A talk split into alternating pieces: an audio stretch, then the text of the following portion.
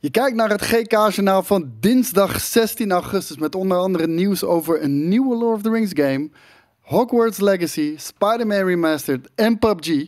Maar we beginnen gelijk uh, met het nieuws over een nieuwe Middle-earth game. Er is een nieuwe Middle-earth game aangekondigd. En uh, deze is aangekondigd door Private Division. Private Division is een, uh, is een uitgever die je misschien kent van onder andere The Outer Worlds. Een van mijn favoriete games uh, die ik volgens mij in 2018 heb gespeeld. Is het alweer zo lang geleden. In ieder geval een hele vette game. Maar zij hebben nu een nieuwe samenwerking aangekondigd met Weta Workshop. Misschien butcher ik die naam volledig. Uh, dat heeft er simpelweg mee te maken. Ik ben niet heel erg bekend met deze, met deze studio.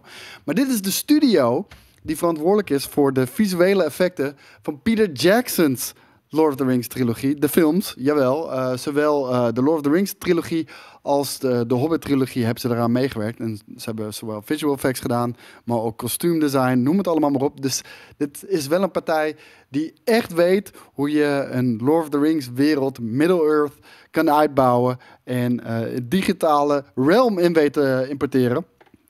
Uh, Private Division die, uh, die zegt als volgt: We are thrilled to partner with Weta Workshop to publish a game set in such an extraordinary celebrated universe. No entity is better equipped than the team at Weta Workshop to create a distinctive new Middle-earth gaming experience.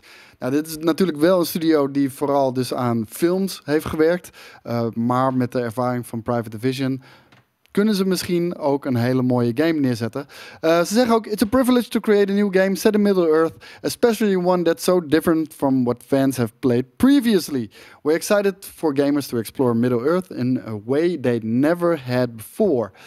En um, ik, ik, moet zeggen, ik, ik, hink, ik hink hierbij op twee gedachten. Want natuurlijk, wat hebben we nog meer gezien? We hebben uh, een Lord of the Rings game gezien wat een MMO was, als ik me niet vergis.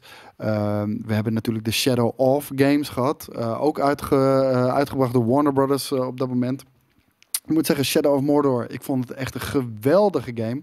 Uh, ondanks dat ik niet echt een fan ben van de franchise of überhaupt het fantasy genre, vond ik het echt een geweldige uh, game om te spelen. Nemesis systeem was op zich ook wel cool. Alleen uh, daar kwam op een gegeven moment een, een, beetje een grind in. Maar wat ik eigenlijk het allerliefste zou willen zien, en ik ben benieuwd wat jij het liefst zou willen zien in een Lord of the Rings wereld. Waarschijnlijk zal het open wereld zijn, maar ken je die PlayStation 2 games nog. Uh, the Two Towers en Return of the King. Dat waren, um, volgens mij was het een isometrisch camera-standpunt.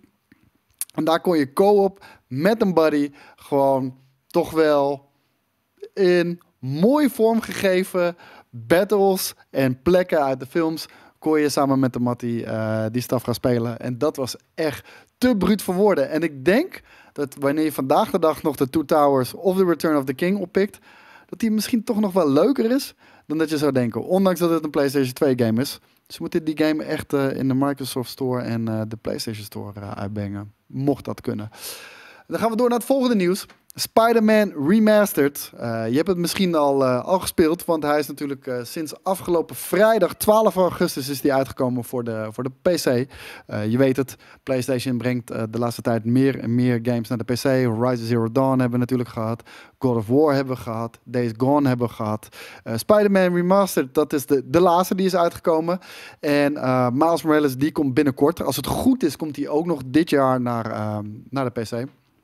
En zo staan er nog een aantal, uh, nog een aantal PlayStation uh, games op het lijstje om op de PC te verschijnen. Nou, ik heb deze gespeeld. Deze week uh, nemen we de review op. En geloof me, ik ben inmiddels toch wel een aardige kenner van Spider-Man uit 2018. Want dit is Spider-Man uit 2018. Althans, de remastered versie.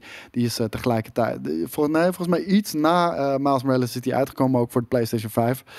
ik heb de game in totaal nu zo'n vijf keer uitgespeeld. Dus ehm, ik ben er wel een fan van. Ik ben, ik ben een Spider-nerd. Maar wat is er nu gevonden in de code van, uh, van Spider-Man Remastered? En voor sommigen zal dit misschien een verrassing zijn. Voor anderen niet. En uh, dat zal voornamelijk te maken hebben met het feit dat je toch alle, alle geruchten voor Spider-Man 2 wel uh, enorm gevolgd hebt. Maar wat is er nu aan de hand? Een Twitter-user, en ik butcher deze naam waarschijnlijk ook weer, maar dat is de nieuwe Temp. Beter kan ik, kan ik niet voor elkaar krijgen. Maar die heeft uh, lines of code ontdekt in Spider-Man Remastered. Waarin er wordt ge, uh, gesuggereerd naar een, naar, naar, een superior Spider-Man.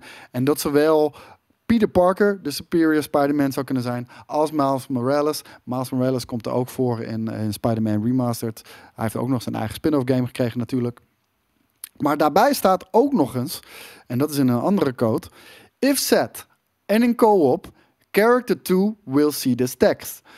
Dat impliceert dat Spider-Man Remastered misschien heel lang geleden, misschien op het begin van, uh, van, van, van, development, het idee had om er een co-op ervaring van te maken. Er zijn aanwijzingen daarvoor dus terug te vinden in de code. En waarom is dit nu toch wel redelijk en best wel lang na dato toch iets om aan te nemen wat redelijk, ja, toch wel uh, plausibel is? Dat is het feit dat al vanaf moment 1 dat Spider-Man 2 is aangekondigd, de geruchten zijn dat deze game volledig in co-op te spelen zou zijn. Uh, de, de, de game staat ook intern bekend als Peter en Miles, uh, Spider-Man 2.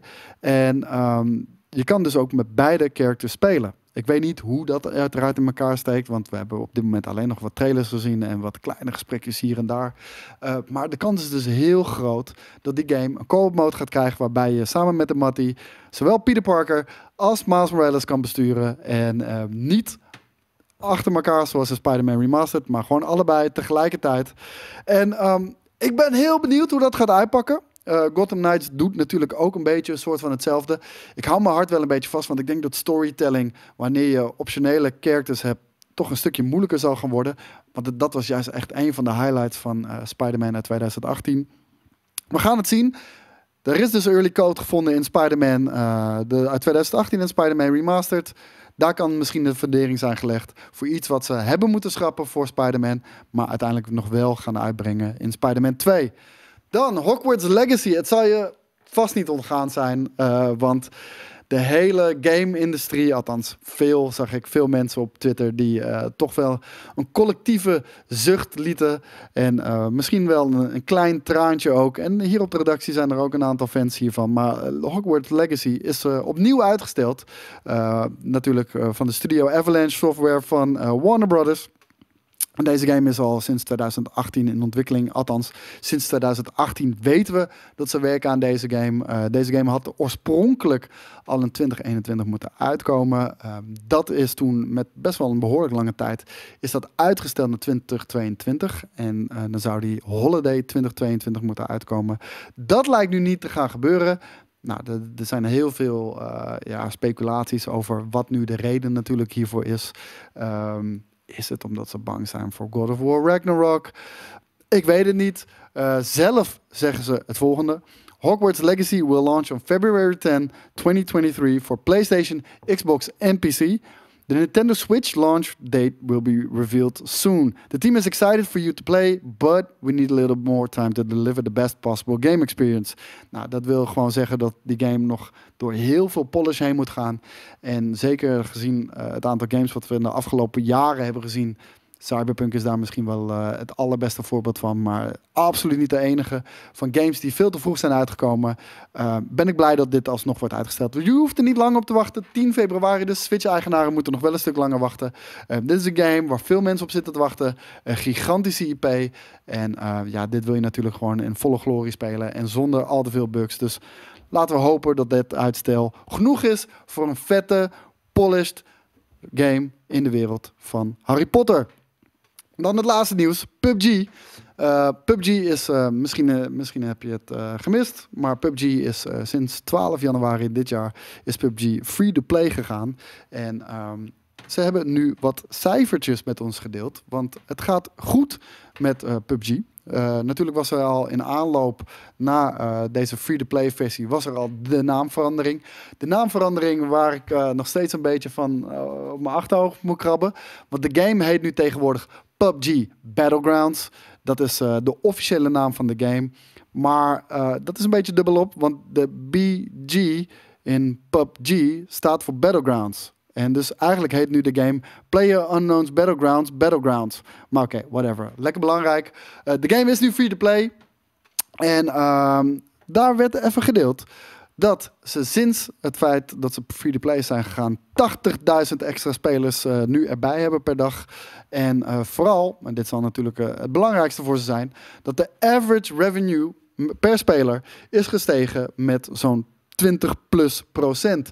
En eh, dat is natuurlijk een eh, lekkere opsteker voor ze. Ehm, ze hebben ook nog laten weten dat, eh, dat ze nog lang niet klaar zijn met het Unknown eh, universum, om het zo maar heel even te noemen. Want op Gamescom, waar wij natuurlijk volgende week aanwezig, eh, aanwezig zullen zijn, gaan ze een nieuwe game uit de doeken doen die zich afspeelt in het eh, Unknown eh, universum, om het zo maar te noemen. Alles is nu een verse natuurlijk tegenwoordig. En eh, voor PUBG is dat natuurlijk niet anders. Onlangs was er ook nog een samenwerking met Assassin- Assassin's Creed. Ik vind het niet een hele, hele slikke samenwerking van mensen die van, van- franchises die heel goed bij elkaar passen. Maar als het je ding is, ga alsjeblieft checken. En ehm, ja, check de game. Free to play. Hij is nu eh, natuurlijk te spelen. Er is ook een mobile versie, PUBG Mobile. En eh, er is nog een, een soort van andere spin-off die er er uiteraard ook aan zit te komen. We gaan het allemaal in de gaten houden. Dit was het GK-journaal van dinsdag 16 augustus. Bedankt voor het kijken en tot de volgende keer. Ciao.